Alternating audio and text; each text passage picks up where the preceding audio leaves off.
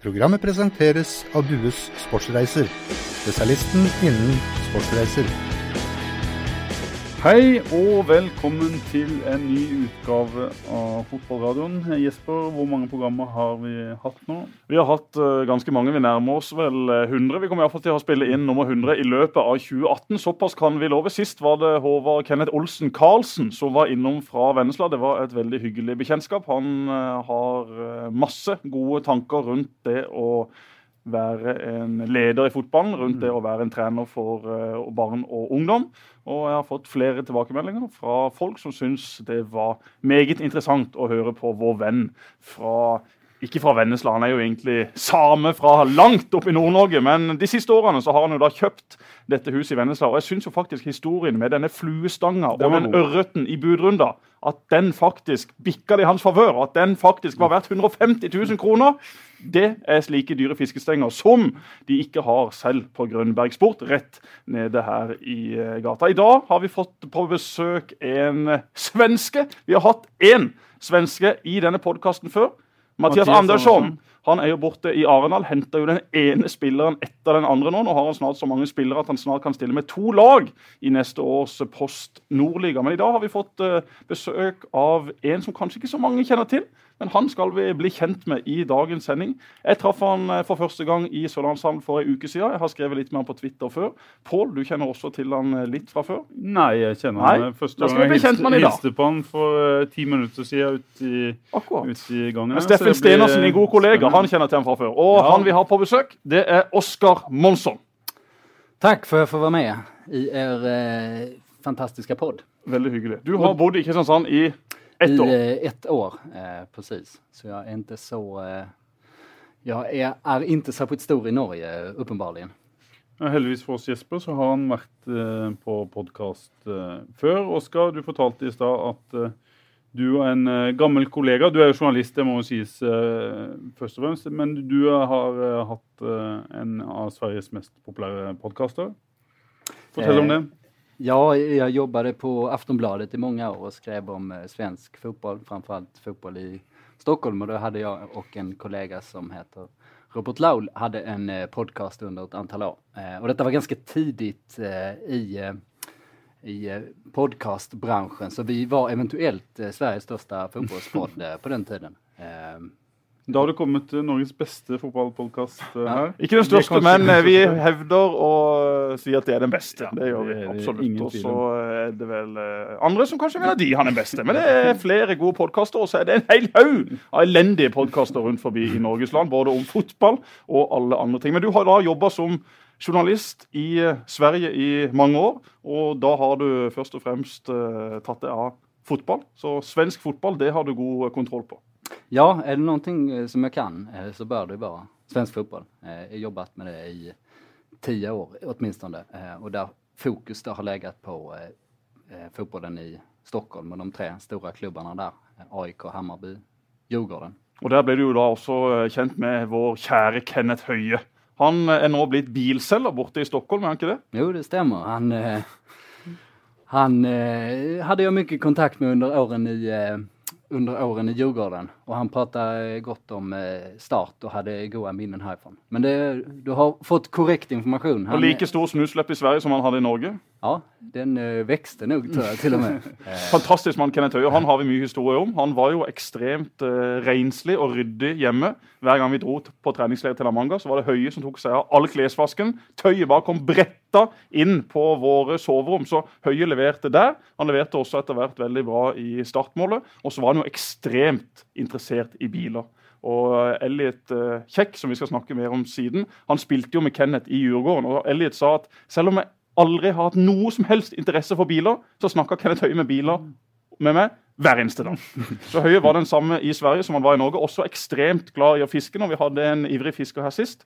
Høie var jo nede om eh, den beste fiskebutikken i Kristiansand by hver eneste uke. Fikk kart, reiste rundt, fikk lånt en båt, ut og fiska. Ja, en strålende mann som jeg virkelig savner her i Kristiansand, men som vel har uh, fått seg en uh, frue der borte i Sverige. og da blir nok han der. Det er også billigere biler i Sverige, så det er også et stort pluss for Høie. Det er ikke lenge siden vi snakka med Kenneth i forbindelse med at Mark Dempsey ble, ble ansatt. Han jobber da på Volkswagen i eh, Stockholm. Ja. Ja, det, det, stemmer. Men du er ikke i Kristiansand fordi du skal følge Elliot Kjekk eller Kevin Cabran eller Mark Dempsey for svenske Nej? Det var, det var jag som var trendsetteren, kan man säga. Ja. Det var jag som flyttade, flyttade hit. Du er første svensken først. i Kristiansand. ja, så kommer det etter.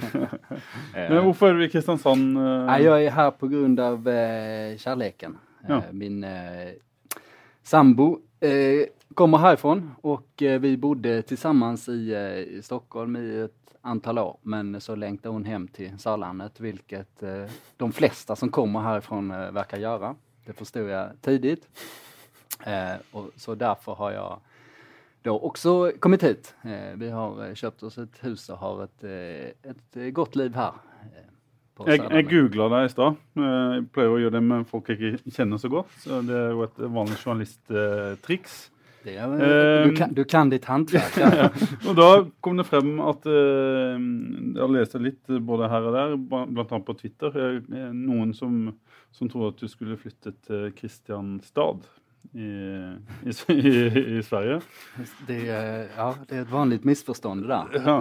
Det får jeg forklare ganske ofte. At jeg ikke skal flytte til Kristianstad som det uttalas. Ja. Eh, eh som dessutom ligger ganska nära. Hvordan uttaler det der? Nei, det var vanskelig. En gang til. Ja, det, det fins ingen i Norge som kan uttale det. Kristianstad. Nei. Kristianstad. Kristianstad, sier ja, Kristianstad festning, høres det ut som. Ja, spännande. Eh, som eh, dessutom ligger ganska nära där jag kommer ifrån så därför får jag ta upp det här misforståndet missförståndet ganska ofta. Men jag har förstått att det finns en story när, om det var amerikanska flygvapnet som hade landat på fel flygplats. Italienske soldater som skulle på øvelse i Kristiansand. Var det så? Ja. Okay. Og så reiste de til feil land og det, ja. feil by. Ja, det er ikke mange år siden. Vi hadde en svær sak om dette i, i Fedrelandsvennen, og amerikanske medier skrev om dette, tror jeg. At det var noen italienske soldater som skulle på en svær Nato-øvelse i Kristiansand, og så reiste de til Kristiansand. og apropos fly, jeg var ute og fløy i går. Var oppe i uh, Bergen, i uh, TV 2s nye lokaler. Veldig flotte lokaler, uh, forresten. Men det er jo sånn at når du er ute og flyr, i Norge kanskje spesielt, men idet man sitter i flysetet, og så lander man, -hmm. og så kjører man inn til gaten, og så kommer ding! Og har du noen gang bare sittet og lagt merke til hvor kjappe folk er. Altså Det er VM i å komme seg først opp og få plukka ned den bagasjen. Og ikke nok med det, når du først har fått ut bagasjen, så skal du til å tre på deg ei svær boblejakke. Og da er det jo opp med albuer og dytte på folk. Og full panikk hvis ikke man har fått på seg jakka før man har kommet seg ut av flyet. Og ikke nok med det, noen har til og med en ryggsekk de skal ha på sekken. Det er ting du bare helt stille? Jeg sitter stille og rolig. Og så når folk begynner å gå, ja, da reiser jeg meg. Da tar jeg jakka og PC-bagen med meg ut av flyet. Så kommer jeg da etter hvert inn på Flesland f.eks., eller på Kjevik. Der kan jeg da kle på meg. Jeg blir ikke syk av å gå ti meter ute i eh, regnvær i Bergen. Folk må skjerpe seg. Folk må rett og slett skjerpe seg, og så må de også huske å stå bak den gule linja når man skal hente ut bagasjen sin. For det er en grunn til at den gule linja der, du ser akkurat like godt bak den gule linja som den du gjør hvis du står en centimeter unna bagasjebåndet. Start on. Var det noen som var og så den eh, kampen? Pål, du var Jeg var i London. Var det fint i London? Det var fint i London. Jeg var på litt på jobb og eh, litt pleasure og litt eh, business.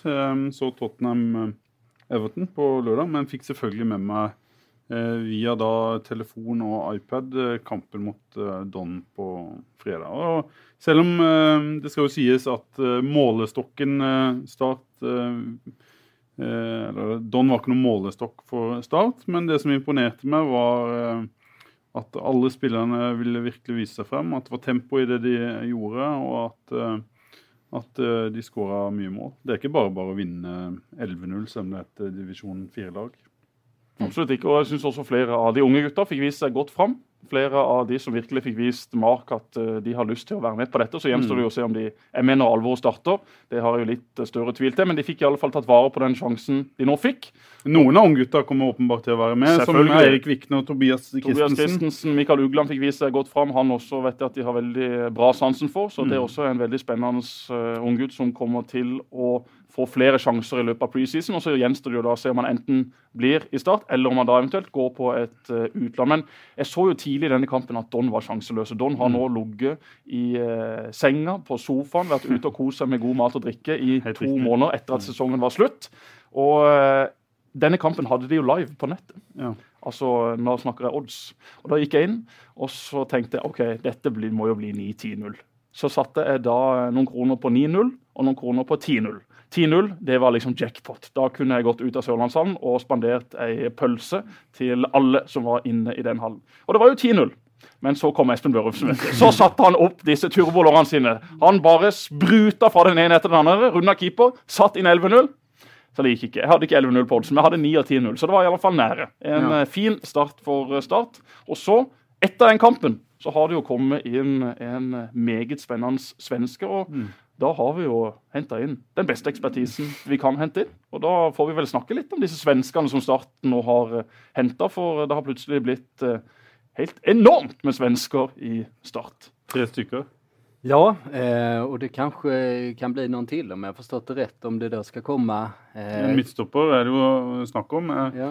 jeg, har jo fått spilt inn et uh, navn, jeg er jo ikke redd for å snakke om navn, så vi, vi, kan ta han etterpå. Jeg skal finne navnet hans, og så kan du si noe om han siste først, kanskje. Kevin Cabran eller Kevin Cabran? Eh, Cabran sier säger jag, men jag är faktiskt inte 100% säker på att jag uttalar det 100% korrekt heller. Jag ska mm. bara lägga till här, jag var också på start eh, Don och eh, såg den kampen och jag spilte också på den eh, matchen. Men, då, men då lyckades jag träffa rätt för då låg den här eh, handikapp-linan ja, ja, ja, på minus 6. Det vill säga att de var tvungna att vinna med 7. Eh, och det såg jag då när det stod, eller det kunde jag lägga när det stod 2-0. Då hade jag tänkt att det här måste ju vara bra. Ja, fick du odds på det? Over ja, det fick jag ungefär top för. Ja.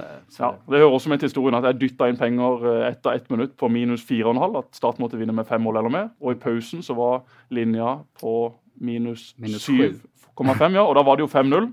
Så at Start da skulle vinne andre omgang 3-0, det var jeg rimelig sikker på. Så jeg fikk i alle fall uh, satt så mye som mulig. Så det var jo en hyggelig kveld i Sørlandshallen også av den grunn. Ja, det, det gikk bra for meg også, just, ja, den, just denne gangen. Det er bra. Det var vel uh, Kevin det får gjøre det nedover herifra. Ja, uh, Kevin Cabran var jo veldig jagad nu av eh, Östersund eh, framförallt. Eh, och Östersund är en sån klubb som ni kanske noterat gör stor sensation i Europa League nu. Har gått vidare från, från sin grupp.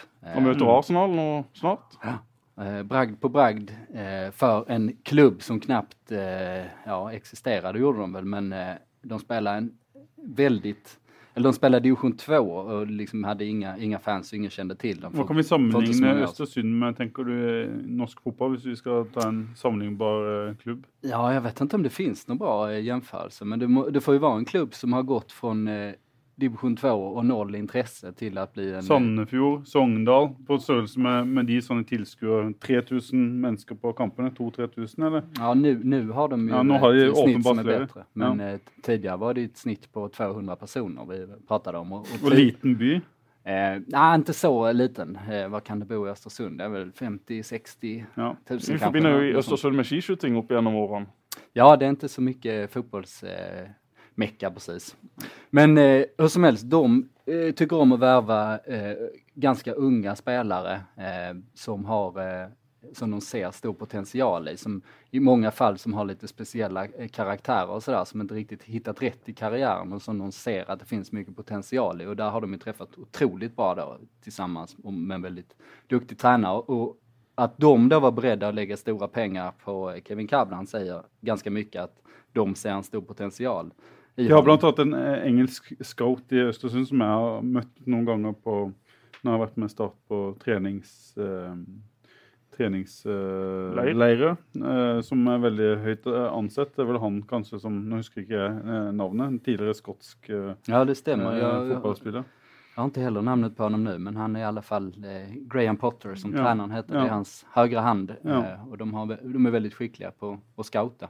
Men Kabran är ju lite den här typen också för att han har inte åstadkommit så mycket i karriären. Han är ändå, han är inte så ung heller, han är 24 år. Eh, men han har gjort en väldigt bra säsong nu i Superettan som är, som men, är andra, andra divisionen Men det är riktigt att han, han har ju då varit i, i Brommapojkarna som ryckte upp till um, allsvenskan.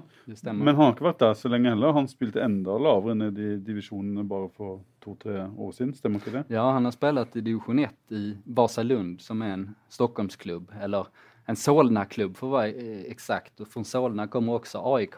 Eh, och eh, så fort bra spelare i Vasalund dyker upp brukar AIK vara liksom brukar vara där för att eh, signera de här spelarna. Men det har de inte gjort med Kabdan, utan han försvann till Holland en eh, runda, sen kom han tillbaks till Vasalund och spelade division 1 och sen så var det för, för förra säsongen som han eh, gjorde det riktigt bra i Vasalund division 1, började göra mycket, Di- Division mycket 1 poäng. den nivå 3 i, i Ja, Sverige? ja. Och, och därefter tog han då steget till eh, Brommapojkarna som eh, vann superettan som är den motsvarande Åborsligan.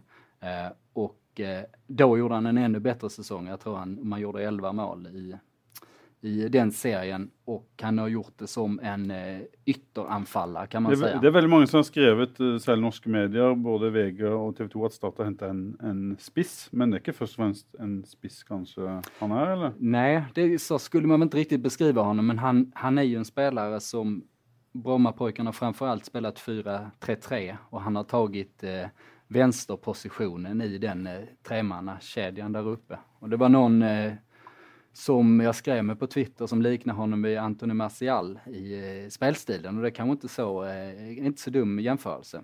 Eh, inget sagt om nivån kanske, men, men som spelstil Liker å kjøre inn. lika skär in, eh, högerfotad, har en bra, bra flow, eh, sämre defensivt och lite frågetecken för positionsspel kanske. Så jag, jag har svårt att se honom passa bra in i ett 4-4-2 som vänsterytter, men jag tror han passar väldigt bra i ett 4-3-3 eller ett 4-2-3-1, förutsatt att han får den här vänsterpositionen eh, positionen längst upp. Mm. Så eh, ja, Det høres skummelt ut for Espen Børresen, dette, Jesper. Ja, men det er tøff konkurranse over hele banen nå. Sånn som uh, Tor Christian og Mark holder på, så kommer det til å komme inn enda flere spillere. Og det har Start rett og slett vært nødt til. For Mm. eh, det Start viste i 2017 er ikke nok i Eliteserien 2018. Så eh, for oss som er glad i Start, så er det jo en glede at det faktisk forsterkes på viktige posisjoner. Og så må jo også de som har vært der i mange år, og ikke minst de unge gutta som kommer opp, heve seg og eh, rett og slett kjempe seg inn for å være med på dette laget. Det tror jeg alle bare har eh, godt av. Men han er jo, som du sier, eh, høyrebeint venstre kant, så han kan jo da også sikkert brukes på høyre, selv om ikke han har spilt så mye der eh, i Brommapojkene, for der har han spilt ute til venstre det aller meste av tida. Men hvis da Børufsen kommer i form, så Mm. syns jeg det er en eh, spiller som absolutt bør bidra for Start i år. Han har faktisk vært eh, stabilt god for Start nå i flere sesonger, har masse rutine. Han har fortsatt den krafta og farta. kanskje den spill, spilleren som har høyest toppnivå, hvis en uh, ser på de siste Altså, sesongene. jeg syns han var veldig god i, i 2017. Han skåra viktige mål, eh, sikker foran mål. Uh, jobber alltid hardt. Og en spiller som jeg tror Mark også vil like mentaliteten til ute på banen. Så Mm. Jeg tror ikke Espen Børufsen skal være livredd for å miste plassen sin på laget. Jeg tror nok heller at Mark skal stokke kortene slik at han får plass til både Børufsen og Kabran i sin elver. Det sies jo at eh, når vi spør Mark Dempsey, at han ikke har bestemt seg helt hvordan han skal spille. Men eh, mitt inntrykk, eh, som har fulgt dette nå litt de første ukene, er at han har gått litt fra å tenke 3-5-2 til å tenke mer 4-2-3-1. At han ikke har kanskje nok eh, gode stoppere til å spille med en trebekslinje. Er det ditt inntrykk også, Jesper? Ja, Han har jo vært klar hele tida på at han må spille et system som han har spillere til å spille. Han har Og- sagt at han vil være fleksibel, Ja, han vil se an kan ikke hive opp et eh, lag i 3-5-2 eller 3-4-3 hvis ikke du har spillertypene til å gjøre det. Da må du heller tenke at ok, etter hvert så kan vi kanskje spille det når vi får et overgangsvindu til på oss, f.eks. Mm. Men uh, han har jo spilt uh, flere formasjoner tidligere i sin karriere. Men spilte 4-2-3-1 åpenbart mot uh, Don på, på fredag. Kommer til å teste det igjen nå mot Ja, og Det er jo ikke noen formasjon det som høres steingal ut med tanke på det spillemateriellet man har. Nå har man henta inn to afrikanere som kan eh, spille dypt på midten. Og så vil jo det også gjøre at eh, Tobias Christensen kan få sin drømmerolle rett bak spissen, og slik han fremstår på trening og slik han fremsto mot slutten av sesongen i fjor. og Mm. Det er en eh, ekstremt spennende spiller han er, så må jo han også inn på dette laget. Han kommer sikkert ikke til å spille 30 kamper, det gjør han ikke. Han er fortsatt veldig ung, det skal ikke legges for mye ansvar på hans skuldre. Men eh, jeg tror nok han har eh, såpass i seg at han kan faktisk bære en del ansvar allerede i år. Så testa Mark Dempsey han i en helt ny rolle mot uh, Don, for de som har merket det. I, en av de dype rollene der han kom tilbake og, og henta ball og styrte mye av, spillet. Kan han brukes der hvis han får en, en hund eller en bikkje ved siden av seg som jobber og vinner baller? Litt som Magnus Olf Eikrem var i, i ja, Molde. han kan brukes der, men Er han for ung til å ta den uh... Nei da, det er han ikke. Det er han ikke. Men, Men, du vil ha han lenger opp? Ja, jeg vil ha han opp i, jeg vil ha han opp i mellomrommet. Litt uh, Martin Ødegaard-type mm. over mm. Tobias, som kan stikke gjennom, som kan avslutte, som kan bruke kreativiteten sin høyt i banen. Ofte når du spiller i den posisjonen, så, så blir du mye møtende, ja, han slår noen pasninger, men det er klart han har også uh, litt uh, trøbbel Nei, han har litt trøbbel fysisk også når han kommer til å møte de største bamsene på den sentrale midtbanen rundt forbi i Eliteserien. Så at han uh, kan levere best i en offensiv rolle, det har jeg absolutt stor tro på. Så kan det jo være enkelte kampbilder at han kan gjøre en jobb lenger nede i banen. Men først og fremst så skal nok Tobias sin rolle være i eh, angrepet rett bak en spiss. og Så får vi se hvem den spissen blir. Det gjenstår jo også å se. Vi kan ta den uh, neste svensken da, uh, som, som kom inn midt imellom her. Isak Lidberg. er det en spiller du kjenner godt? Ja, det er det. Han var, kommer fra Hammarby, som er en av de her tre store klubbene i Stockholm. for den som inte, inte känner till det. Eh, väldigt eh, talentfull från att han var eh, ung, spelat i ungdomslandslagen. Eh, framförallt har han varit, eh, han, han, är fortfarande ganska tunn eh, i sin fysik men han är ändå väldigt, väldigt stark och det har han mycket från, sin, eh, från sina gener. Hans mm. pappa och hans farbror, hans onkel, båda de har vunnit VM och EM och OL-medaljer i brottning. Mm. Bryting heter det väl på mm. Um, och uh, det märks också en del på Isak, att det är ju en uh, fruktansvärt uh, stark ung spelare. Um, har man liksom venta litt på et gjennombrudd, eller er ikke kvaliteten hans gode nok til at han får det? Ja, det återstår ju att säga. Uh, för att han eh, lämnade Hammarby, vilket var Eh, folk blev väldigt överraskade när han gjorde det för att han var jeg jag tror han debuterade när han var 16, att han fick göra ett innhopp inhopp eh, för, för Hammarby och klubbens yngsta någonsin. Och då trodde folk väldigt mycket på honom. Och vanligtvis med den typen av spelare då om man inte är redo för A-laget är att man går på ett utlån till en annan klubb som man ska få mer tid. Men han eh, lämnade klubben lite eh, hastigt eh, och gick istället till Åtvidaberg som spelar i eh, superettan. En eh, gammal klassisk klubb som dock gjorde en dålig säsong och åkte ur superettan. Eh, och eh, Lidberg gjorde fem mål under den säsongen där. Eh, och den säsongen har jag inte följt eh, så noga, kan jag inte säga. Men eh, fem mål i ett lag som åker ur på 14 starter är väl ändå ett ganska bra facit för en så pass ung spelare. Mm. Ehm, så du tenker at det finnes et uh, potensial i, i Lidberg? Eh, ja, det tror jeg.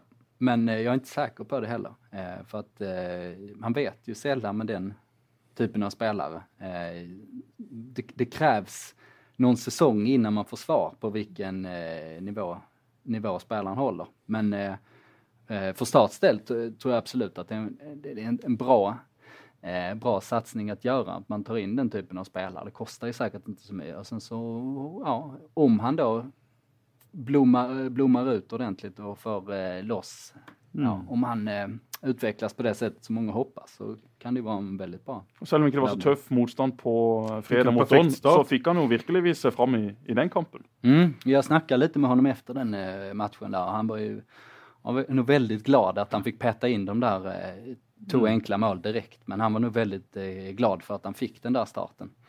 Um, sen kan det ju vara också Hammarby en speciell miljö. Stockholmsklubbarna är extremt hård miljö för unga eh, talanger som eh, det, det, är många likt Kabran och Elliot Check som vi kommer till som faktiskt har eh, blivit, varit lite rejects i Stockholm men de, de tappar bort mycket eh, talanger på grund av att ja, på grund av att miljön ser ut som den gör. Mm. Eh, vilket då till exempel Östersund som vi pratade om har plockat upp många spelare från Stockholmsområdet som folk inte har trott på men sen har det visat sig att de, ja, de, det är mm. faktiskt väldigt bra spelare. Alltså.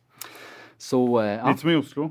Ja, litt som i Oslo. Og så uh, satte han jo inn uh, sjansene sine. Og det satte jo vi pris på tribunen, som hadde start med handikap mot uh, Don. Dennis Antvi hadde jo noen sjanser i første omgang, men han er jo enda mer allergisk enn han var i fjor, med tanke på det å skåre mål. Han hadde også en sjanse som eh, selv eh, min mor hadde klart å sette inn på åpen kasse, men han satte da den utafor. Jeg syns synd på Dennis også. For det er en fantastisk fin gutt som har hatt mye motgang i Start. Og vi har sett han på sitt beste i Jerv, da han var virkelig god. Det var også derfor Start betalte en halv million for å hente han eh, til tilbake, holdt jeg på å si. Han var jo på Sverige. Jeg vet ikke om du Jo, han har vel en en bakgrunn i Rosengård, eh, Stemmer. tror jeg, som er en eh, klubb fra eh, Malmö. Mm. Ja, Antvi var jo på prøvespill, dro til Jerv, ble henta tilbake. Og så har det rett og slett ikke stemt i start. Altså, det har mm. vært helt totalt sjanseløst. Jeg har fortsatt tro på at han kan skåre mål i Obos-ligaen for en klubb der, men at han skal gjøre det i Start det har vel også Mark nå sagt at ikke kommer til å skje. Mm. Han må prøve å finne seg noe annet. Og så kom da Abu opp og skulle ta dette straffesparket. Altså, Det var jo tidenes verste straffespark i Sørlandshallen! Han gikk og dansa og gikk baklengs. Jeg vet ikke hva han ikke gjorde i det tilløpet. Og så satte han da straffesparket midt på keeper. Han leier jo si hos uh, Raymond Larsen ja. på Lund. Og jeg har gitt beskjed til Raimond at hvis ikke det der handikap hadde gått inn, så hadde ikke Abu fått eh, middag av familien Larsen den neste uka. Abu, Men Abu jeg skal si noe om Abu. Som, jeg skal bare jeg avslutte. Jeg syns Abu faktisk Abu. viste fram en del spennende ting mot Don. Så si. han hadde fart, han hadde noen dansesteg, han hadde teknikk og kunne forsere spillere. Det trenger jo Start. Så det var ikke sånn at Abu var helt katastrofe på fredag. Ja, så han har vært god på trening. Jeg, på, jeg, var på trening i dag, jeg var på trening i går. Jeg, hvis du sitter der og aldri har sett noen av Start-spillerne før, så er jeg sikker på at et av de navnene du du biter deg merke i, er Abu, Mohammed Abu på, på start. Så er spørsmålet om han klarer å ta det ut eh, i, i, kamp. For det er åpenbart at han har noen uh, spennende kvaliteter. Han har styrke. Mangler kanskje litt fart. Det skulle han kanskje ikke tro med, i og med at han er der han eh, er fra. og afrikanske han, spillere han, å være Han har jo fart på de første meter, men ja. har kanskje ikke den der største toppfarten. Nei, men han har, han, jeg, jeg syns han har et eller annet som er uforløst. og så Spørs om han får tid til å vise det frem da, i, under Mark Dempsey i start, eller om det er plass til han, eh, rett og slett. For det er jo sånn at Nå har Start eh, ti utenlandske spillere. Du kan kun registrere ni før sesongen starter. Det vil jo si at én av de utenlandske spillerne risikerer å havne utafor denne mm. troppen. og Da må de da sitte på tribunen og bare følge med på det som skjer ute på banen. Det kommer garantert til å skje noe fram mot sesongen starter, enten at noen blir solgt, gitt vekk, leid ut osv. Så, videre. så de har nok god kontroll på dette. Men de har nok det. Nå har de jo akkurat nå så er det én for, en for mye. Atapi og Anti er jo på vei ut. Da er de nede i eh, åtte. I åtte.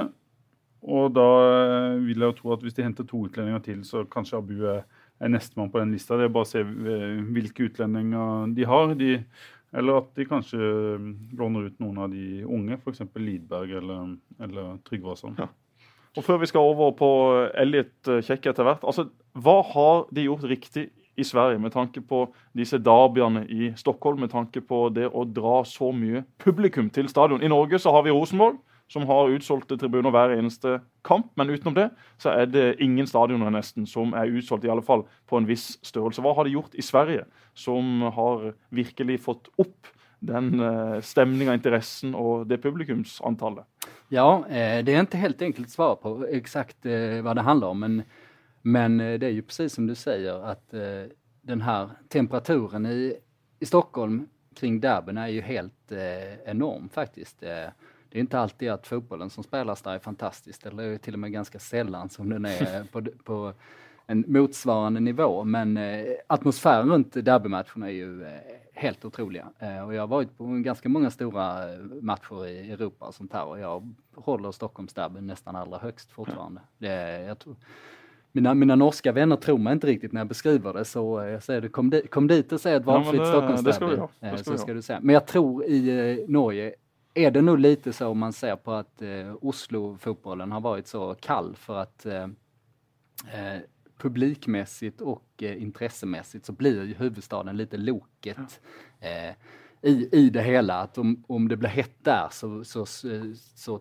smittar det av sig på resten av eh, landet. Så det, det är även en liten eh, som förklaring. Och sen så Stockholmsklubbarna är har i alla grundande på 1890-talet och har liksom en eh, långt över hundraårig historia och en rivalitet som alltid har funnits mellan de här eh, tre klubbarna. Och de tre klubbarna du snakker om, for de som ikke vet det? Japp, det er eh, AIK, Djurgården och eh, Hammarby. Ja. Som eh, inget av lagen har eh, vunnit allsvenskan på länge. Senast det skedde var AIK 2009, så de har inte hållit den nivån, men de har ett enormt intresse kring klubbene. Og det var Jørgen Mark Dempsey var og gjorde en eh, jobb. Hva kan du si om det han leverte der borte? Hvordan var standinga hans da han reiste fra Stockholm? Han var veldig uh, populær. Uh, han kom inn uh, når Djurgården eh, sparkade sin Ja, de sparkade sin tränare efter halva säsongen på grund av eh, svaga resultat och då plockade de in Mark Dempsey. Eh, det gick väldigt fort. Men han fick eh, väldigt bra struktur på laget och de plockade eh, mycket poäng den hösten. Och eh, det var väldigt tydligt att alla ville att han skulle vara kvar och Djurgården la fram eh, kontraktförslag till honom men han tackade nej till det helt enkelt och gick tillbaks. Men han, han har hög status i Stockholm. Bare litt tilbake til disse derbyene, vi skal ikke snakke for lenge om det. Men handler det også litt om, om det hatet som finnes der? I norsk fotball så har vi Vi hadde jo litt sånn holiganisme, som det heter i, i Sverige. Men det er mye mer av det i Sverige. Det hatet, den aggressiviteten mellom supporterne, som vi kanskje har klart å, å ta vekk litt i Norge, men så har kanskje noe også gått tapt. da. Finnes det noe svar der i at uh, temperaturen blir så høy? Eh, ja, eh, just själva hatet och huliganismen hade man ju hoppats att man kunde plocka bort. Eh, den är ju en, en liten del, eh, får man säga, av eh, Stockholmsfotbollen. Men, men är det fortsatt ett problem idag? Men, men precis, men, men, men, fortsatt ett problem eh, kring, kring matcherna. Inte inne på arenan, då, är det inte, då har man inte så mycket problem. Men utanför arenan på stan och sen de här huliganuppgörelserna. Men absolut, själva temperaturen och rivaliteten, eh, det är ju en hårfin gräns det där, mm. men att det är en hög temperatur så att eh, eh, det är inte bara som när Sverige och Norge tävlar i, i skidor för att då är det mer, ja det finns inga hat där utan det är mer en vänskaplig rivalitet. I Stockholm finns det ju andra element också. Eh, och eh, ja, eh, det, det ska man inte helt plocka bort heller. Eh, det, ska, det ska betyda något på riktigt. Det är då man får den här elektriska mm. stämningen. Mm. Eh, ja. Yes. OL uten Petter Northug, forresten. Altså, kan du tenke deg noe så kjedelig? Det kan godt være at han blir med, men altså, langrenn med og uten Petter N. Det er jo to forskjellige verdener. Nå har vi jo fått en ny mann. Ja, Klæbo. Han damper av gårde, han. Det er gøy med Klæbo. Ja, selvfølgelig er det gøy med Klæbo. Ja. Og det er en del av de andre skiløperne som det ikke er noen ting gøy med. Men uten Petter Northug i form altså Det blir faktisk totalt uinteressant i forhold. Det blir totalt uinteressant i forhold. Hvis Petter Northug er med og går et løp, så er han den eneste jeg følger med på skikkelig. Hvor er han i løypa? Ok, Han lå 50 sekunder bak. Ja, ja, greit. Da switcher vi over på en annen kanal. Nå skal vi altså reise til Pyongyang med en hel gjeng med kjedelige utøvere. Og ja, Johannes Høsblot Klæbo er en fantastisk skiløper, og jeg digger han også. Men han er ikke Petter Northug ennå. Men det Klæbo gjorde på Idrettsgallaen med capsen med hilsen til Northug, ja, det var, det var, høy, høy klasse. Vi må ta den siste svenske nå. Det er bra. Vi hopper litt fra tema til tema. Vi har jo aldri planlagt den eh, sendinga? Nei, det har vi ikke. Men vi kan faktisk tease litt inn mot et vinter-OL. For da skal vi ha Morten Djupvik her i studio. Da skal vi gå gjennom øvelse etter øvelse. Vi skal finne ut av hva har gått galt med Petter Northug, og hva ble gjort riktig da Djupvik var på jobb. Og ikke bare han enormt grinete, sutrete, sure Vidar Løfshus. For Djupvik han har vært veldig tett på Petter Northug. Har vært hans personlige trener, til og med, så det blir eh, spennende. Over til Elliot eh, Kjekk. Er det riktig uttale ja, av hans var, eh, navn? Det var bra. Det er også et svært eh, uttal for nordmennene. Ja. Kjekk. Mm. Eh, men ja, du får med berøm godkjent. For ja, takk for det.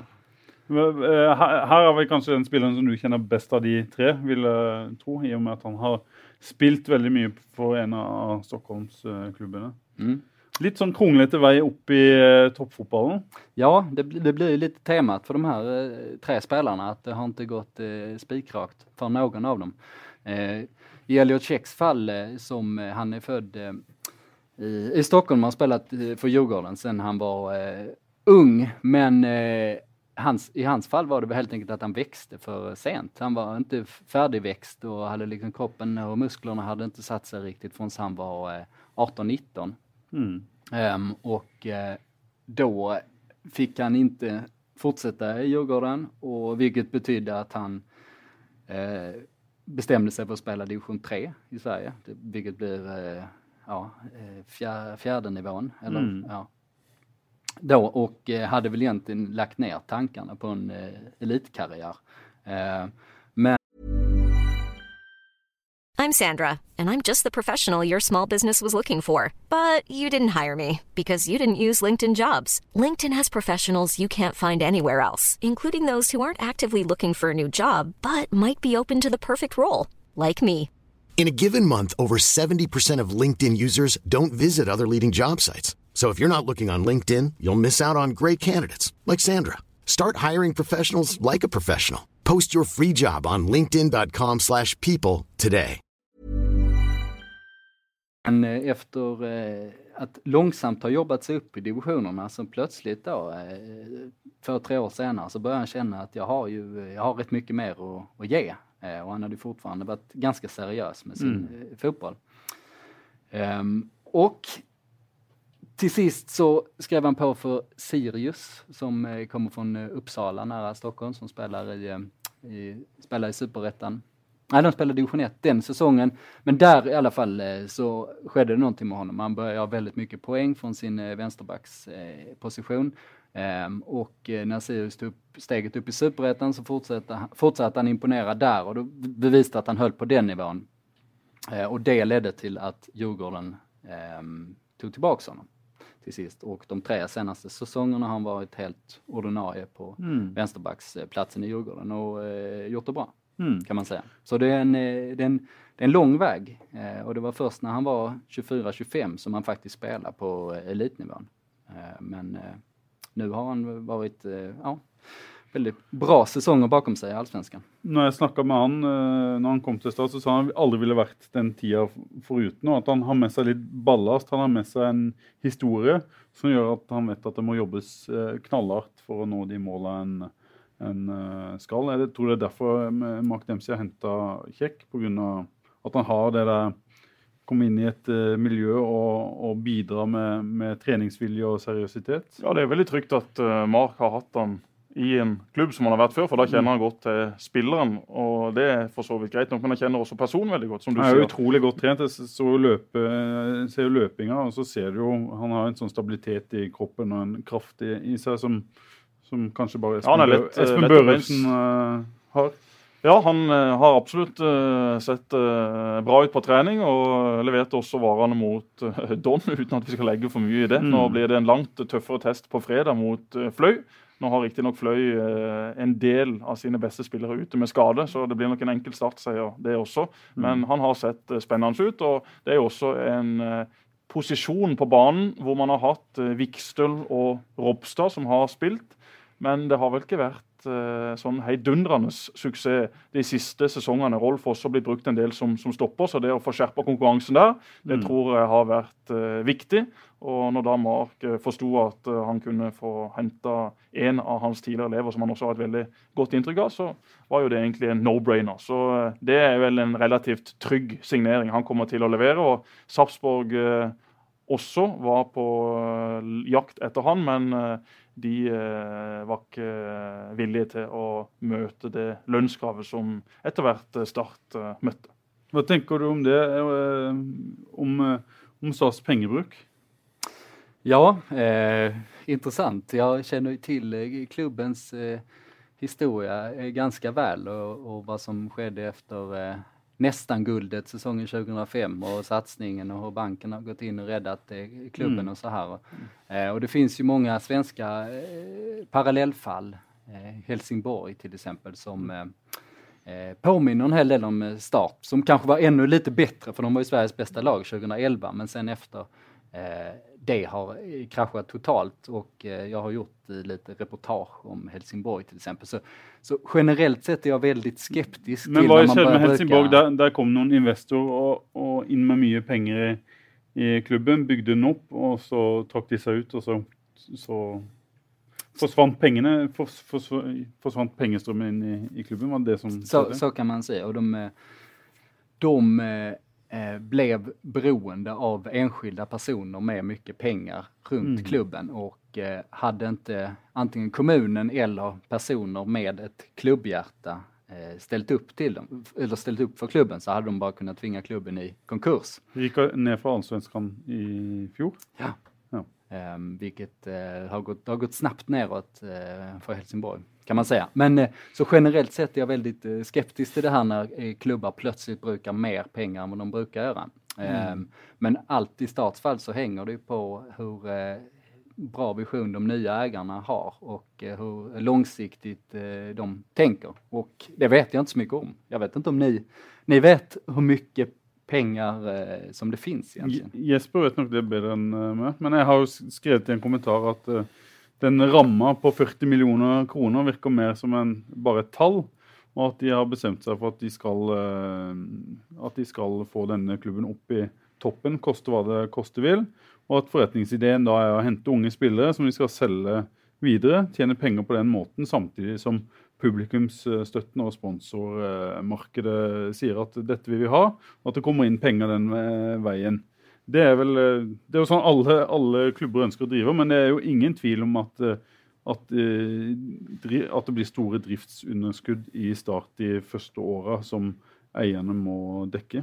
Ja, det er helt korrekt. Det har blitt brukt en del penger nå. Det kommer til å bli brukt enda mer penger.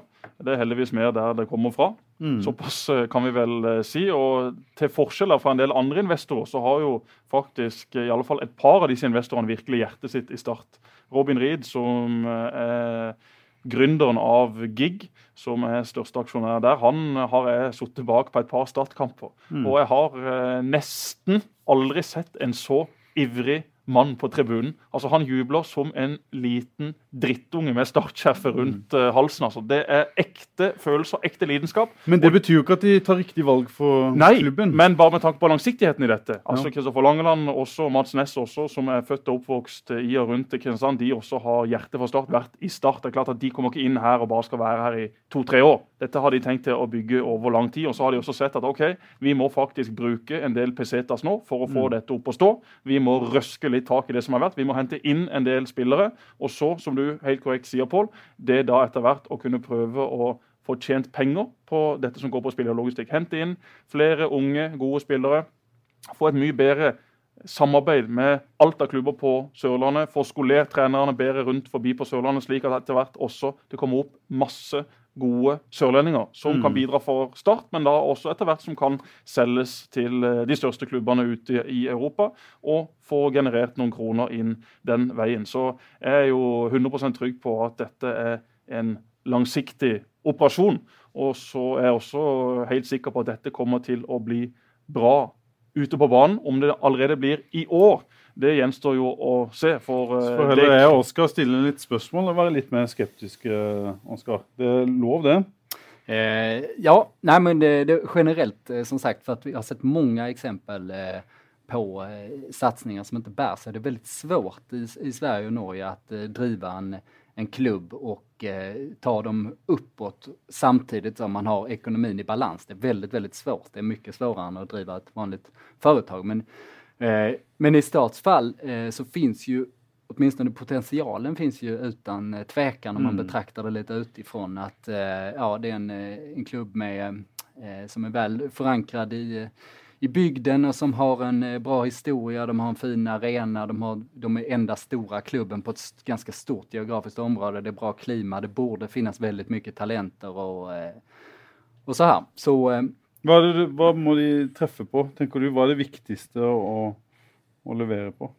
Um, ja, det som er aller svårast er jo å verve rett type av eh, spelare. At man har eh, rett type av eh, personal eh, mm. for, att, för att få resultat. Eh, så det er vel det allra svåraste. Og sen så om man då ska ha långsiktighet i ekonomin, då är det som ni pratar om, då får man ju publik och sponsorer och det kommer ju med resultaten. Men, men något som är extremt viktigt också för långsiktigheten, det är att sälja spelare som ni pratar om där. Om man, mm. om man då plockar in spelare nu som man har gjort ett antal unga spelare, då måste man också se till att de utvecklas och man måste ha tillräckligt långa kontrakt så att när de väl är heta på marknaden, men då, då ska du få bra betalt. I, mm. i Starts fall så borde man kunna få till eh, åtminstone 20 miljoners försäljningar på sina bästa spelare. Mm. Eh, det är inte alls orimligt liksom i en eh, skandinavisk eh, kontext, men som jag har förstått det så har Start varit inte alls lyckats med det. Nej, det har inte varit och det, och det är en sån nyc nyckelfaktor som man ser på mm. de klubbarna som lyckas. Och se bara på Sarpsborg nu i mm. Eliteserien, som uh,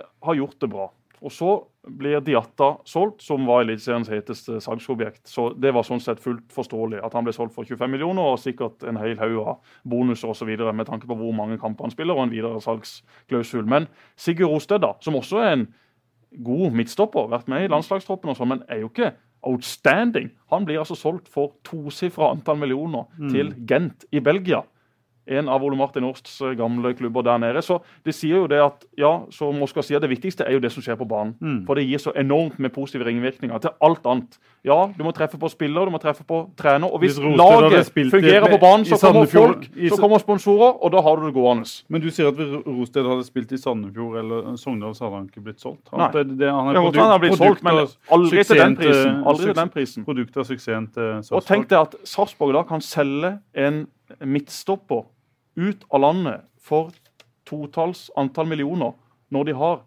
sånne mål på banen sin som vi har på Løkka. Mm. Altså Har du sett målene på Sarpsborg stadion? Det er sånne mål som man hadde på Løkka før. Altså Målene ser jo så stygge ut. Målene som Diatta har skåra på Sarpsborg stadion, hadde jo sett mye flottere ut hvis de hadde hatt sånne flotte liksom, dype mål så ballen bare suser i krysset. Når Sarpsborg skårer, så kommer Patrick Mortensen på bakerste stolpe, skyter han i mål, og så spretter han ut igjen av den der stolpen som ligger inne i målet. Det er jo helt katastrofe, men jeg vet at Thomas Berntsen faktisk har vært på jobb, så det er faktisk eh, muligheter for at vi får se nye mål på Sarpsborg stadion i år. Og tenk deg da! hva Thomas Berntsen kan selge spillere for. Når ikke de tror de henter fra en kjempeliten bakgårdsklubb langt oppe i forblåste og nedsnødde Norge. Så ja, det å treffe på spillere det er selvfølgelig ekstremt viktig. Og det er jo avhengig av det. fordi det er klart at uh, Start en drøm, disse nye eierne, gidder ikke å holde på hvis det sitter 2000 mennesker på stadion året rundt. Det må være slik at de faktisk får tent en gnist, og at de får med seg folket for uten folk på tribunen. Du får ikke med deg folket hvis du ikke får resultater. Da må du ha resultater. Det er jo det ikke sånn at du kan be, du får... be, folk komme. Nei, du kan jo, du kan jo be de komme. Bare gi dem en hamburger, så kommer jo folk. Det har vi jo sett. I fjor, én krone for en hamburger, så kom det jo 9000 mennesker. Snakk om å være gniende i verdens rikeste land. Men, men en, en, sak som jeg har tenkt på i det her fallet Nå har jeg jobbet i Stockholm med klubbene där under många år och där finns ju väldigt mycket maktkamp och politik och det, det sker mycket intressant eh, som mm. journalist kan jag säga. Men eh, allt det som jag var med om det stör sig nog ganska slätt jämfört med Starts eh, medlemsmöte förra mm. våren när, när Brandstad skulle träcka sig. Jag, jag följde den livesändningen på, på eh, Fevennen eh, och eh, då tänkte jag, herregud vad, vad, är Start för en klubb egentligen? Mm. Och det stannar vi där. För att om man, om man, ska bygga en bra klubb så måste man ha en väldigt tydlig rollfördelning, vem gör vad i klubben. Eh, mm. Eh, till exempel om man ska sälja spelarna måste sportchefen ha väldigt tydligt mandat att göra det. Eh, det kan inte så spännande att prata om men det är extremt viktigt för eh, långsiktighet. Men då funderar jag på det här seniorrådet. Mm. vad, vad, vad gör de egentligen? Vad har de liksom för eh, inflytande? Poenget var vel at de ville ha mer innflytelse enn de hadde hatt. Start har jo hatt et seniorråd i ja, 30-40 år, kan jeg tippe.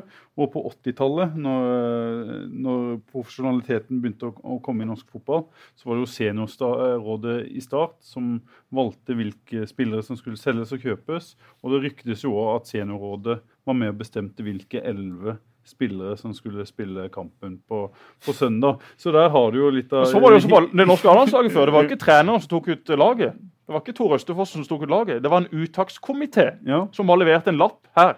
Disse gutta skal spille. Så Sånn foregikk det før i tida. Men Seniorrådet er jo en gjeng med gamle startere som uh, hjelper til med forskjellige ting i klubben. Og så var det jo opp mot dette årsmøtet da, hvor de hadde formulert seg relativt klønete.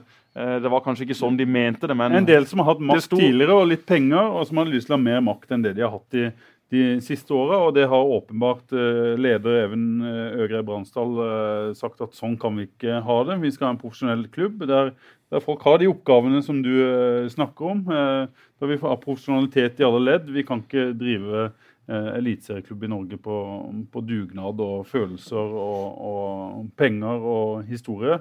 Vi må gjøre det på en annen måte. Og Det var vel der på en måte det skiftet skiftet skjedde. Så får vi håpe at det er til det beste for klubben. Og Det tror jeg er et stort løft i riktig retning. At en har, har, fått eh, ja, Nå har en i hvert fall nok folk med definerte oppgaver og, og som er knytta til toppfotball, og ikke til håndballavdelinga, som var en del av dette. Eh, til en eh, seniorklubb og til breddefotball, som var et stadig sånn tilbakevendende problem pga. pengemangel. Det er blitt profesjonalisert på en helt annen måte, og det må det jo være i en uh, toppklubb i uh, Norge i dag. Og så er det jo, som du sier, Oskar, nå er det også mye sterke personligheter i Start. Og Én ting når ting går bra, én ting mm. når man vinner kamper, én ting når alt bare er fryd og gammen. Men hvis man begynner å tape litt kamper, begynner å bli litt negativitet, da kan det jo være et uh, vepsebol uten like. Hvis uh, folk da begynner å, å, dra litt i forskjellig retning. Så mm. det er jo faktisk interessant å se etter hvert. For. Veldig spennende å se. Særlig to Kristian Carlsen og Mark Dempsey er vel de, på en måte de to sterke personlighetene sportslige i, i starten. Og begge er veldig tydelige på hva de ønsker og hva de hva de vil. Og hvis de har, eh, drar i samme retning av tauet og, og en får resultater, så kan jo dette bli veldig bra. Men som du sier, Jesper, hvis, hvis de mm, går litt til hver sin, sin, eh, side, så kan det jo virkelig smelle. Så det blir jo det blir spennende. Ja, for, det er jeg helt overbevist om, om du prater om på 80-tallet, at de hadde 100 innflytende hvem, mm. hvem som spilte. Eh, man skal ta godt vare på sine gamle eh, klubbhjältar, man skal ta mm. godt vare på folk med penger og hjerte for klubben. Men inflytande ska vara 0 procent. Det, mm. liksom, det, går inte nog att understryka. Man ska inte bestämma någonting överhuvudtaget med sporten om man eh, ska driva en eh, långsiktig bra klubb. Eh, det finns liksom inget eh, alternativ til det. Og frem til, til Tor Kristian Karlsen kom inn i, klubben, det har jeg etterlyst uh, flere ganger. Uh, mer enn At en prioriterer sportslig ledelse. Da. Det har jo ikke vært sportslig ledelse i start, en reell sportslig ledelse i start, siden, siden pappaen til Jesper, Svein Mathisen, var, var sportsdirektør. De sportslige vurderingene i, i, klubben er gjort av økonomer og, og folk med, med pengemakt. da. Og ja, og av fotballtrener som eh, kun skal være der i ett år eller tre ja, år eller ja. seks måneder til, og som da ikke har noe interesse av å se det store bildet. Som ikke er interessert i å bygge klubb. Men til syvende og sist har det sittet en styreleder eller en eh, administrerende direktør og tatt eh, valget. Skal vi hente den spilleren eller den spilleren?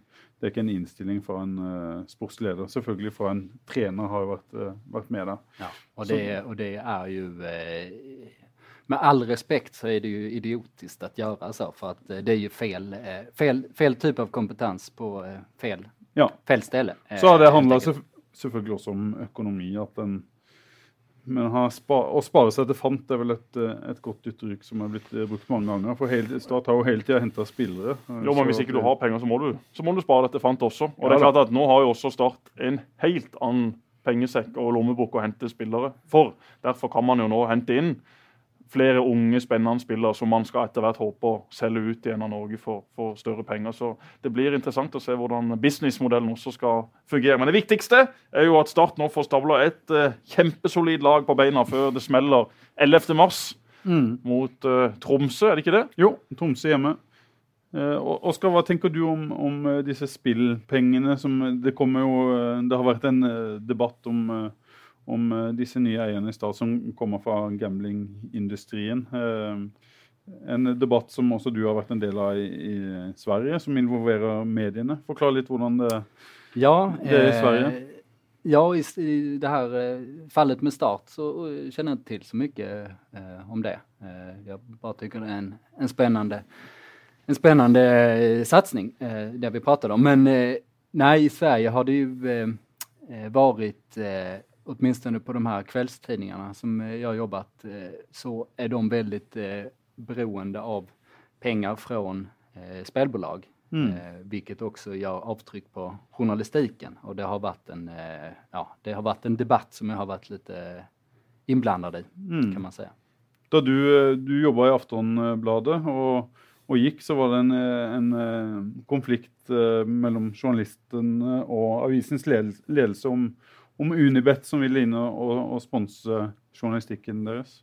Ja, eh, så var det. Jag, jag eh, sa upp mig eh, från Aftonbladet efter att ha jobbat där många år på grund av en konflikt med en eh, chef som tyvärr satt högst upp i, eh, i, det där, den där hierarkin. Eh, och i, i, samma veva var det ganska mycket debatt om just det här vi pratade om. Eh, det var ett tv-program som Aftonbladet hade där sport, Sportbladet som vanligtvis är rosa efter La Gazzetta la Sport, i samme samma eh, koncept. Mm. Um, eh, studion brukar vara rosa och man har de loggorna men då hade man bytt ut eh, studion till att bli helt grön med Unibets eh, loggor istället och då var journalisterna som jobbade på Aftonbladet visste inte om att de var med i den typen av sändning som var en enda lång reklamsändning för Unibet och Unibet hade sin sin eh, expert som det kallas i studion som eh, preciserades inte var han kom ifrån utan han var också som en oberoende expert och eh, man tippade hela tiden på de här matcherna och då var det bara Unibets odds som alla skulle mm. ha med och då var journalisterna var själva som var till exempel med i sådana här inslag visste inte vilket eh, sammanhang de var i. Och det här kom i samband med att jag sa upp mig och eh, då blev väldigt stora protester på, på eh, tidningen i samband med det. Eh, och de flesta tror att jag slutar på grund av det här programmet. Eh, men så var det inte. Men däremot så hängde det väl lite ihop kanske att mina kollegor tyckte att jag hade blivit dåligt behandlad och, mm. och därför valde man att gå ut och protestera och då blev den här tingen. Men, men fenomenet är ju ganska intressant för att det är, är svårt att se någon annan bransch där eh, en så tydlig aktör skulle påverka journalistiken så pass mycket. Jag tror mm. det var att... Eh, det är ett problem i, i Sverige att mycket av eller at penger fra, fra denne industrien um, påvirker journalistikken? Eh, ja, det er det jo. Eh, jag tror vanligvis eh, till vardags så tror jeg ikke det påverkar så mycket vad det gäller eh, resultatrapporteringar eller vilka intervjuer eller vilka personer och sådär man, man eh, eh, ja, vilka man träffar och så vidare. Men däremot finns det ingen kritisk granskning av spelbolagen, utan det har liksom spelbolagen eh, köpt sig fria från. Eh, och där har tidningarna problem om de skulle göra det. För spelbolagen finns ganska mycket att granska där med, mm. med spelberoende och hur spelbolagen eh, stänger av vinnande spelare. Men de som förlorar får förlora precis så mycket de vill. Och den metodiken som de har. Det tror jag är ett sånt väldigt tydlig sak som journalisterna hade kastat sig över i vanliga fall i och med att alla känner till den här, mm. eh, den här metoden som spelbolagen har. Men de, då slipper man den typen av granskningar, det är jag ganska övertygad om, på grund av att man då eh, eh betyder så mycket ekonomiskt. Mm. I Norge hadde jo nærmest vært utenkelig at et utenlandsk spillselskap kom inn og, og sponsa en uh, avis. Hvorfor går det i, i, Sverige? Ja, det handler vel om eh, lagstiftningen helt enkelt. At, att, eh, jag kan ikke juridiken exakt, men jeg tror det handler om... loven, rett og slett. Det skjer jo i Norge. Ja. Tror det handler om... Jo, Norsk Tipping, Norsk Tipping, Dagbladet, VG, ja. TV 2 eh, altså Skipsted altså, Utenlandsk spillselskap. Ja, ja. Så jeg brukte ordet utenlandsk, selvfølgelig. Nå har vi jo monopolsituasjonen til, til Norsk Tipping her, som uh, kanskje ikke er noe bedre. Norsk Tipping er jo gigasponsor til masse mm. norske aviser. Så mm. det er jo akkurat samme problemet i Norge med at uh, norsk presse ikke kan ta Norsk Tipping like kritisk som de tar de utenlandske, fordi at de har interesser i et selskap som pumper millioner av kroner inn i diverse aviser og mediehus året rundt. Så det vil jo alltid være en sånn interessekonflikt, enten det er eh, norsk eh, monopols Norsk Tipping, eller om det er en utenlandsk aktør. Så Sånn er nok eh, journalistikken bare blitt, og det vil nok kanskje også bli mer og mer i fremtida for at dette skal gå runt, dessvärre. Ja, jag tror det, för att eh, det är väldigt stora pengar vi pratar om också. Framförallt just sportjournalistik och spelbolag. Eh, den kopplingen är supertydelig. Vi ser jo kanskje tydeligere og tydeligere at en del spillselskaper ansetter type skribenter eller, eller journalister. Ja, det är, det är väl, jag tror det är mer än 50 eh, procent av sportjournalisterna i Sverige som eh, jobbar för spelbolag eh, mm. på ett eller annat sätt, direkt eller indirekt. Antingen att man gör reklam för dem eller att man är med i deras tv-studios eller om man är med i sådana här samarbetsstudios eh, mellan en, en tidning och Vad syns du om den utvecklingen? Ja, jag är skeptisk till den. Jag har, I grunden har jag inget emot eh, spelbolagen. Jag har inte något emot dem på grund av någon eh, princip. Jag spelar ju själv, som, mm. vi, som vi snackade om. Eh, men däremot har de mm. väldigt eh, mycket eh, metoder som eh, inte alls är schyssta och som man borde lyfta upp mer. Ehm, och om man då har 50 procent av alla sportjournalister i Sverige är, ja, nu, jag har inte den exakta siffran, nej, men jag, jag, tror faktiskt, jag är inte helt fel ute kan jag säga, på ett eller annat sätt har ett samarbete med spelbolagen så eh, är det ju solklar problematik där. Det tror jag vem som helst kan förstå. Mm. Nok om det. Skal vi si litt om kampen mot Fløy på fredag før vi runder av, Jesper? Den, jeg skal først si at vi i Fjellandsvennen sender den. Kampstart klokka 17.00 i Sørlandshallen på, på, fredag. Start har jo spilt nå de siste sesongene treningskamper i Sørlandshallen på fredagene. Og det kommer litt folk. og kommer kanskje enda mer nå enn det gjør det nok. 11-0 sist. Start i storslag. Eh, Kevin Cabran får sin eh, debut i treningskamp for Start. Han vil jo være masse interesse rundt. Ja, Trum. Han vil eh, også bli å se der ute på fredag. Så det er jo mye spennende nykommere. Det er jo mm. grunn nok i seg sjøl. Og så er det også en del lokale helter som er i storslag, som kommer til å ikke revansjere seg for at Fløy sendte de ut av cupen i fjor. Men det er klart at det sitter nok igjen da. For mm. måten Start tapte for eh, Fløy på der ute på Flekkerøy, det var pinlig. Og Da forventer jeg i alle fall at Start vinner på fredag. Og Fløy som sagt har en del skader, så det er et svekka Fløy-mannskap som eh, kommer til kamp eh, der. Men det blir jo en helt annen type motstand enn det Don var. For ja. Don så ut som en gjeng med Ja, hva så de ut som? Eh, Amatører. Så ikke ut som noe som helst akkurat eh, på fredag. Gode gutter, men uh, akkurat det de leverte på banen, det var veldig tafatt. Og det var fryktelig langt unna det å være i noen slags toppform. Men det er jo greit for Start. Eh, Mark Dempsey eh, skrøt jo av Don etter kampen. Var utrolig glad for at de ikke skada noen av Start-spillerne. Det, det, var hans skryt til Don. I og med at eh, når lag taper mye, så kan det bli litt sånn sure miner. Ja, men det var god stemning på banen. Kan, sånn skal det jo være. Etterslenger. Eh, vi får jo litt sånn stigende i programmet. Nå er det Fløy, og så er det en treningskamp i i Spania, så er det Sandefjord, så er det Haugesund. Når begynner vi å se at uh, det spisses uh, inn mot det som skal skje 11.3. Nå får vi se den første elveren.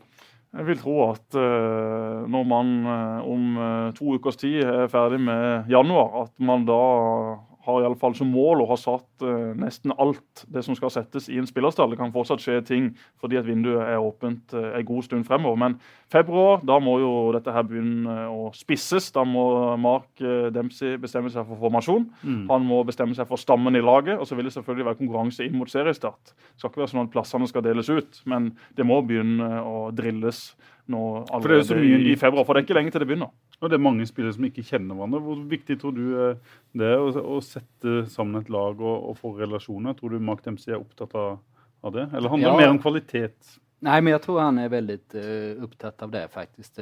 Man har jo sett det ganske tydligt nu. Jag har ju varit i Sörlandshallen och lite spionerat. Så, eh, mm. just det här att man sätter grunderna och sättet han vill eh, spela på är väldigt tydligt. Mm. Utrolig possession-orientert. Det ser vi jo av, av, av øvelsene han kjører i Sørlandshallen. Utrolig opptatt av å ha et lag som klarer å holde ballen i, i eh, laget. Ja, och jag tror att varje spelare ska veta vad som förväntas av den spelaren mm. på den positionen. Så jag, jag tror han jobbar mycket med den metodiken och det är ju eh, bra nu när man ska få ihop ett eh, lag snabbt för det, det är inte så enkelt eh, att, att få det när man ska värva mycket nya spelare.